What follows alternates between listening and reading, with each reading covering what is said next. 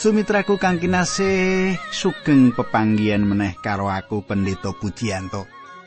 Kepiye kabar panjenengan ing dina iki? Wah, panjenengan pirsa dina iki dina sing paling nyenengake kanggone aku. Kenapa kok mangkono katangku? Awit saiki mau dina olahraga ning kantorku. Wah, wis jerat-jerit bengak-bengok. Wah, biasane meneng wae. Nyawisake khotbah-khotbah kanggo panjenengan. saiki mau dina iki mau dina sing paling seneng marga olahraga. Aku rada kesel saiki swanana panjenengan ana studio iki muga-muga panjenengan ora kesel. Mangkono. Kaya padatan katangku aku pendeta Pujianto bakal bebarengan karo panjenengan ana ing adicara margi utami, adicara kang dadi klangenan panjenengan lan wis di enti-enti dening panjenengan. Awit pancen adicara iki mligi kanggo panjenengan sing duwe rasa ngorong karo kayektene pangandikane Gusti. Mula pancen nek panjenengan iku kangen panjenengan kepingin nambah-nambah kawruh babagan karo Hanen, iki bener nek panjenengan ngrungokake pangandikane Gusti saka adicara margi utami iki. Sugeng midhangetake adicara iki.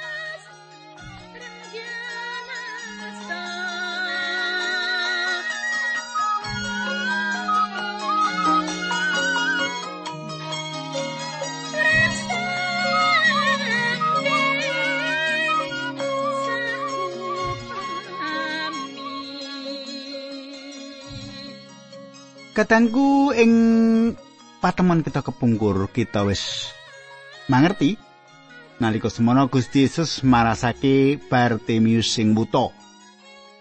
Kepriye cerita sebanjure kita bakal terus nderekake tindake Gusti Yesus nanging sadurunge tak teruske becik kita ndedonga dhisik. Aku ngaturake salam kanggo Pak Andreas Suraji kang nembe wae operasi khusus buntu. Makaten nggih Pak Andreas nggih.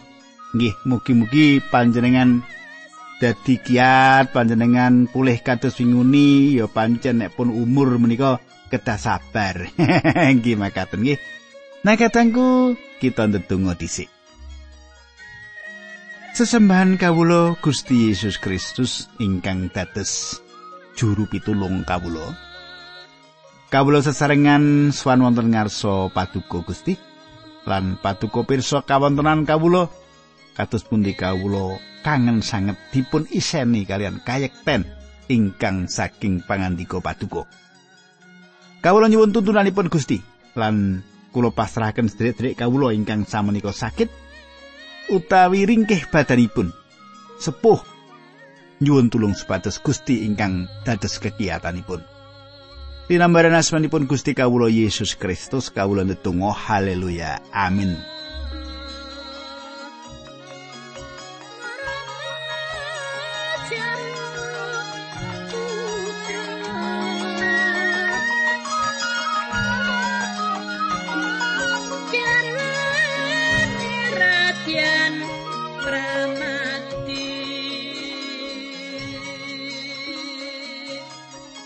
Sumitraku andaran ing adicara iki wis ngancik Injil Markus bab 11. Injil Markus bab 11 ing bab iki wis nulis mangsa-mangsa pungkasan peladosane Gusti Yesus ing jagat iki. Uga nyetakake telung dina ing Yerusalem. Rawe ing Yerusalem pas ing dina Sabat, dina Sabtu, dina kapindo minggu ngresiki bait suci lan dina senene panjenengane muwuni utawa nangisi kutha Yerusalem. Saiki panjenengan tak derekake maca utawa mirengaken ungeling pangandikan saka Markus 11 ayat 1. Tindake Gusti Yesus lan wong akeh mau wis meh tekan kutha Yerusalem. Nuli padha mampir ana ing desa Bet Fage lan desa Betani ing sacedhake Gunung Saitun, Gusti Yesus banjur utusan murid loro ndisiki tindake. Kadangku kita wis padha pirsa yen ing bab-bab utawa pasal-pasal sadurunge sing wis kita sinau, Gusti Yesus wis miwiti lampahe tumuju menyang Yerusalem. Panjenengane nggone tedhakan sang saya nyelaki panggonan ing ngendi panjenengane arep disedani. Prastawa iki wis ngancik minggu sing pungkasan sugenge sadurunge kasedanan. Kutha cilik Betania lan Betfage panggonane ana pinggiring puntuk Saitun sing kapisah kutha Yerusalem. Saiki coba panjenengan katekake ayat loro lan telu ing Injil Markus bab 11. Dawi. Kowe padha menyang ing desa ngarep kuwi salebumu ing desa kono kowe bakal padha weruh belu dicincang. Belu mau durung tau ana sing nunggangi uculana banjur gawanen mrene. Yen ana wong nakoni kowe apa sebabe belu mau kok uculi wangsulana. Gusti sing arep nitih kulti iki mengko yen wis arep inggal dibalekake meneh. Kadangku ana panemu loro sing bisa kanggo nerangake kuldi sing dititi Gusti Yesus nalika mlebu kutha Yerusalem. Jelaran Gusti Yesus iki Allah sing maha wikan, mula wis pirsa sadurunge bab kuldi mau. Iki kaya dene mukjizat sing ora bisa dilalekake saka wiwitane kedadian lan mengko nganti sakterusé. Bisa uga kabeh wis diatur ditata sadurunge. Ya lumrah to? Yen sing arep dititi priagung sing dihormati westi diatur luwih dhisik. Mesine kita ora perlu ngotot yen keterangan sing wis ana bisa dibenerake nganggo akal sehat. Mesti wae kita uga percaya yen Gusti Yesus wis nata kabeh sadurunge kedadian iki. Lan kanthi pamikiran ngono mau, malah kita banjur bisa entuk berkah rohani ing prastawa iku. Yen dideleng saka critane kulti iku ya ora aran aneh yen Gusti Yesus nedahake panguasane ngenani pamilihe kulti mau. Lah yen ana sing ngaku kelangan kulti, kudune banjur dijawab kanthi ukara dikersakake dening Gusti Yesus. Ing wektu iki wis ana wong-wong sing ngrantam nyedani Gusti Yesus. Ewa semono sing arep setya tuhu marang panjenengane uga ana. Malah nganti saiki sawise 2000 taun kepungkur, isih akeh maneh wong-wong sing kepingin lantang sasetya tuhu marang panjenengane. Ing katerangan sakteruse ngandhakake yen rombongane Gusti Yesus lan wong-wong liyane terus mlaku nyedhaki Yerusalem. Kaya sing wis tau dingendikake dening Gusti Yesus. Saiki ayat papat 5 lan 6. Panjenengan kateke ya, aja ngantuk. ya ngantuk panjenengan iki ya. Markus 11 ayat 4. Murid loro mau nuli padha mangkat lan nemu belone kecincang ing gapuraning desa ana ing pinggir dalan. Belo mau banjur padha diuculi. Ana wong sawetara sing padha ana ing kono ngaru-arui. Lho, belone kok kok uculi? Murid-murid mau padha mangculi kaya sak piwelingi Gusti Yesus wong-wong mau banjur padha meneng wae. Kadangku para murid mung ngestokake dawuh Gusti Yesus lan baline pancen wis nuntun blokulti. Markus ayat pitu nganti 10 bab 11. Belone nuli dituntun menyang ngarsane Gusti Yesus, murid-murid banjur nguculi jubahe dilemekake ing gegere. Belo Gusti Yesus banjur nitih. Wong akeh banjur padha nggelar jubahe ana ing dalan sing dilangkungi dening Gusti Yesus. Uga ana wong-wong sing padha nyokleki pang-pang sing isi ijo ana ing pategalan padha dijereng ana ing dalan sing dilangkungi dening Gusti Yesus. Wong-wong sing padha mlakone ing sak ngarepe lan sak mburine Gusti Yesus kabeh padha nguwuh pinuji pangeran. Binerkah ana sing rawuh atas asmane Gusti Allah langgenga keratone Sang Prabu Daud leluhur kita pinuji asmane Gusti Allah. Kadangku sing mangayu bagya rawuhe ing Galilea marang Sang Kristus mung sawetara wong wae, ora akeh. Para among tani ya ing panggonan iki ing Galilea Gusti Yesus wis nawakake sarirani kanggo wong kabeh. Ayat 11. Gusti Yesus banjur mlebet ing kutha Yerusalem tindak menyang pedalemane Allah, panjenengane mirsani samubarang sing ana ing kono, nanging sarene wis curup Gusti Yesus banjur tindak menyang desa Betani kadherekake dening para murid terolas.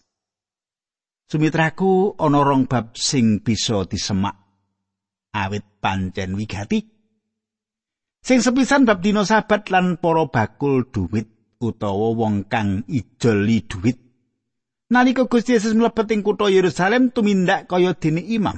Panjenengane minangka jejere imam agung sing bisa ditampa dening Allah kurban sing arep diaturake sarirane pribadi kanggo nebus dosane manungsa kabeh. Tak berani panjenengane minangka imam agung sing bisa ditampa dening Allah korban sing arep diaturake sarirane pribadi yaiku kanggo nebus dosane menungsa kabeh. Panjenengane ora nyari ing Yerusalem nanging kundur menyang Betania meneh nyari ing kono Gusti Yesus wis kersa mbikak pribadine supaya dikenal dening wong-wong ing kono. Apa ana sing kabutan yen Gusti rawuh ing panggonan iku? yen ana sing kabutan nampani Gusti Yesus panjenengane ora bakal kersa nyari ing panggonan iku. Markus 11 ayat 12 nganti ayat 14 mengkini surasani. Esuke Gusti Yesus lan murid-muride padha tindak meneh saka sedo petani. Gusti Yesus kraos luwi saka kaduan panjenengane pirsa wit anjir sing godhonge ketal banget. Gusti Yesus marani wit mau mirsani mbok menawa ana woe nanging bareng wis tekaning kono mung manggih godhong tok ora ana woe siji-siji sebab pancen durung usume Gusti Yesus banjur ngendika wiwit saiki bakal ora ana wong sing mangan wohmu meneh ing salawas-lawasi Para murid padha krungu pangandika kuwi mau katangku Ing dina kapindho panjenengane rawuh saka Betania rawe ing dina iku krasa yen gembiraake panjenengane wis paring ipat-ipat marang wit ora sing ora bakal bisa woh maneh. Lalu uga panjenengane ngresiki bait suci. Wit ora iki kaya dene uripe bangsa Israel. Bangsa iki wis diparingi agama utawa Torat dening Allah. Agama iki minangka godhonge bangsa Israel nanging bangsa iki ing ngarsane Allah ora duweni woh rohani. Apa bisa kahanane wit ora? Bangsa Israel lan gereja ing jaman iki dianggep padha. Padha dene ora duweni woh rohani, bisa kaya dawe marang gereja ing Laodikia. Yesaya 29 ayat 13 Gusti Allah ngendika bangsa iki rumangsane nyembah aku. Nanging mung lelamisan atine ngedoyaku pangibadahe ora liya mung isi pernatan lan adat tata cara gaweane manungsa sing diapalaki. Kadangku mula ora salah yen Gusti Yesus ngipati-pati wit ora mau, godhong lan wite dadi garingake. Markus 11 ayat 15. Barang wis padha tekan ing kutha Yerusalem, Gusti Yesus banjur tindak mlebu ing pedalemane Allah. Wong-wong sing padha dol tinuku ing pedalaman kono nuli padha didhawuhi metu, meja-mejane tukang ngijoli duit, semono bangku-bangkune wong-wong sing adol doro padha diglimpangake. Kadangku Inggal-inggal Gusti Yesus ngresiki bait suci. Yohanes ngandhakake yen enggone resik bait suci iku ing mangsa wiwitan peladosane Gusti Yesus. Dadi ing mangsa pungkasane jaman iki panjenengane uga ngersakake pedalaman utawa gereja uga resik kaya mauni. Kadadian iku ing dina kapindho, dina Minggu, dudu dina Sabat. Wah, ing bait suci ana tukang ngijoli duit. Many changer. bakul duit. Duit dituku nganggo duit. Wong-wong iki padha lungguh ing pasar barang sing wis disediakake ing kono. Banjur yen ana wong monco, wong monco sing teko langsung bisa ngijolake duit sing payu ing papan kono, sing payu iku mung duit logam sing diwetokake bait suci. Usaha kanggo nutupi ragat bait suci iku usaha sing mulya. Nanging kanyata usaha iku mung klebon watek maling. Mula usaha iki banjur dagang sing kalimputan kegiatan agama. Tangsa ana bebaya sajroning kegiatan lembaga Kristen. Yen arep nyumbang lembaga Kristen becike dititi luwih dhisik kahanane supaya sumbangan mau ora dipangan dening wong sing ora duwe tanggung jawab marang Allah. Senajan wis diumumake kanthi getok tular lan ngliwati kesaksiane wong-wong sing wis padha kapitulungan, ora bisa dadi jaminan yen Gusti Yesus bakal ditampi ing Yerusalem. Kanyatane Gusti Yesus ditampik mlebu Yerusalem, mengko yen panjenengane rawuh ing jagat sing kaping pindho, ora ana kekuatan apa wae sing bisa nampik? Kedadian iku bisa dideleng ing tulisane Rasul Paulus. Coba panjenengan semak siji Tesalonika papat ayat 16 nganti pitulas. Tak wacaki Besok panggedene malaikat bakal nguwuh paring dawuh lan bakal ana swaraning kalasangkani. Gusti Allah banjur Gusti Yesus piyambak bakal tumedhak saking swarga. Wong-wong sing pracaya marang Gusti Yesus lan wis padha mati kuwi bakal katangekake dhisik nuli kita sing isih padha urip bakal kaklumpukake kabeh ana ing mega karo sing mentas padha katangekake mau metokake Gusti ana ing langit sebanjure kita bakal nunggil karo Gusti ing selawas-lawase Katanggu gambaran iki lagi bisa diarani ara-araan kamenangan. Panjenengani Sang Kristus sing dadi panggedini bebarisane wong pracaya nuju panggonan anyar sak golongane titak anyar tumuju ning panggonan anyar yaiku Yerusalem kutha sing anyar. Perayaan iki perayaan sing kalimput ing rasa gembira jalaran kebak ing kamenangan. Kita saiki nderekake lampai Gusti Yesus ing dina sing kaping telu, Markus 11 ayat 20 nganti selikur. Esuke Gusti Yesus lan para muridé padha tindak ing dalan pirsa wit anjir sing wingine disupatani Gusti Yesus. Wit kuwi jebul wis mati nganti tekan oyote pisan. Rasul Petrus banjur kelingan lelakone wit anjir mau nuli matur, "Guru, wit anjir ingkang panjenengan supaosi menika sampun pecah." Katangku, kahanan iki ndadekake Gusti Yesus ngendika bab pandonga. Wong-wong mau padha eram marang wit ora utawa wit anjir sing nuwuhake keterangan bab pandonga dening Gusti Yesus. Markus 11 ayat 23. Gusti Yesus ngendika, "Padha ngandelo menawa kowe percaya marang Gusti Allah." Katangku, pancen narik kawigaten mung saka ketarik anane wit ora anjir sing garing wae banjur nuwuhake pamicara bab iman lan pandonga. Panjenengan bisa narik penemu yen pandonga kudu luwih dhisik duweni iman utawa percaya marang Allah. Kudu percaya yen Allah pancen ana. Ing Ibrani ditulis ngene, Ibrani 11 ayat 6. Ora ana wong sing bisa gawe renaning penggali Allah tanpa percaya. Sing sapa suwan ana ngarsane Allah kudu percaya yen Gusti Allah kuwi ana lan maringi ganjaran marang kang padha goleki panjenengani. Kadangku duweni iman kapercayan marang Allah iku sing kudu dilakoni dening para wong percaya. Jalaran iki sing paling penting sadurunge tumindak saterusé. Ayat 23. Kowe padha bisa akon puntuk kuwi, mumbulo. Lan ambiro ing segara kuwi mesti bakal kelakon angger ora mangu-mangu. Menawa percaya temenan, apa sing kok kandhake mau mesti bakal kelakon. Katangku, ayat iki akeh sing salah penafsirani. Luwih becik yen bisa nduweni kekuatan kanggo nyukupi kabutuhan saben dina tinimbang secara harfiah nafsir ayat iki. Mula Rasul Paulus nulis ing Efesus 3 ayat 16. Aku nyuwun marang Gusti Allah supaya saka gunging kamulyane kersa maringi kekuatan lantaran Sang Roh Suci marang kowe lan nyantosake batinmu. Kadangku gunung sing edipeni yen disawang iku ora perlu dipindahake. Sing perlu yaiku kekuatane roh suci sing sentosa, sing gawe ati lan urip kita tangguh ngadepi sarupaning pekewet, keruwetan, kesukaran. Ayat 24, mulane kowe padha ndak kandhani menawa kowe ndedonga nyuwun apa-apa padha percaya wae. Yen apa sing kok suwun kuwi wis diparingake dadi apa wae sing kok suwun bakal ketutukan. Sumitraku, ayo padha duweni kapercayan sing gembleng marang Allah. Ora kok arep dinggo nindakake hawa nepsu sakatoke, nanging kanggo urip sing cocok karo apa kersane Allah. Saiki ayat selawe tekan nomor Markus 11.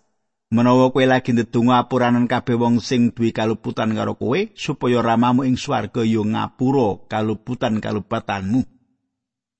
Menawa kowe ora padha ngapura kaluputan liyan, ramamu ing swarga uga ora bakal ngapura kaluputan kaluputanmu. Kadangku syarat wigati sing kutu dilakoni dhisik menehi pangapura marang liyan, nuli lagi ndedonga lan pandungane bakal dipirengake dening Allah banjur keparingan jawaban. Ati sing ora kebak pangapura bakal nutupi dalane pandonga panjenengan. Allah bakal paring pangapura ing asmani Gusti Yesus Kristus. Saiki panjenengan tak derekake nyemak Efesus 4 ayat 32. Aluwung padha nindakno kabecikan lan padha sumanao siji karo sijine. Padha apura ing ngapura kaya dene Gusti Allah ana ing Sang Kristus ya wis ngapura marang kowe kabeh. Katangku iki dalane pangapura. Konjuk marang Allah kita nyuwun pangapura lan sak papadane apura ing ngapura. Kanthi apura ing ngapura, urip kita bakal duweni kuasa karohanen. Saiki ayat pitulikur nganti wolikur Markus 11. Gusti Yesus lan para muridé padha tekan kutha Yerusalem meneh bareng Gusti Yesus tindak-tindak ana ing pedalamane Allah. para pangareping imam para ahli Taurat para pinituwa banjur padha marani wong-wong mau padha matur marang Gusti Yesus. Panjenengan nindakaken perkawis-perkawis menika ada dasar panguwas menapa? Sinten ingkang nyukani wewenang dhateng panjenengan nindakaken menika sedaya? Kadangku wong sing isih padha sengit sinengketan ana sing nderekake Gusti Yesus. Malah nggone nyengiti marang Gusti Yesus nganti saben ana wektu kanggo ngluntakake kasengitane banjur ditindakake. Wong-wong iki pancen arep nglawan panguasani. Para pemimpin agama iku padha kepengin weruh saka ngendi tekane kuwasa marang Gusti Yesus iki. Markus 11 ayat 29 nganti 30. Gusti Yesus ngendika, "Aku arep takon karo kowe sak prakara wae. Menawa pitakon kowe kok mangsuli, kowe bakal genten tak kandhani bab wewenangku nindakake perkara-perkara mau kabeh." Coba wangsulana, Nabi Yohanes kuwi nggone baptis oleh wewenang saka sapa? saka Gusti Allah apa saka manungsa. Kadangku, pitakone Gusti Yesus iki mateni langkai para pemimpin agama. Yen para pemimpin agama njawab saka swarga, kenapa wong-wong mau ora padha ngistokake kuasa mau? Yen nolak kuasane Yohanes Pembaptis mesti bakal ngadepi para murid Yohanes. Markus 11 ayat 31 nganti 33. Para pengareping imam, para ahli Taurat lan para pinituwa mau banjur padha rembugan dhewe. Yen awake dhewe kondo saka Gusti Allah, dheweke mesti bakal takon kenapa kowe kok padha ora percaya marang Nabi Yohanes. Yen awake dhewe kondo saka manungsa, kowe ora bisa. Wong-wong mau padha wedi marang wong akeh sebab kabeh padha yakin yen Yohanes kuwi nabi. Mulane wong-wong mau banjur padha matur marang Gusti Yesus, Kulo sami mboten mangertos Gusti Yesus banjur ngendika yen ngono aku uga ora bakal ngandhakake marang kowe saka ngendi asale panguasaku nindakake kuwi mau kabeh. Kadangku Para mungsuh Gusti Yesus padha kualahan nampa pitakone Gusti Yesus. Pancen ora jawaban sing bakal diaturake, nanging iki kabeh sawijining jebakan kagem Gusti Yesus sing satuhune Allah sejati. Katangku semene dhisik aturku muga panjenengan kebak ing berkah rohani. Monggo kita ndedonga luwih dhisik sadurunge purna adicara iki. Duh Kanjeng Rama ing swarga kawula ngaturaken gunging panuwun menaya dal menika kawula saged ngedum berkah rohani babagan roti kaswargan. Kawula nyuwun Gusti berkahi sedaya sedherek kawula menika linambaran asmanipun Gusti kawula Yesus Kristus kawula ndedonga. Haleluya. Amén.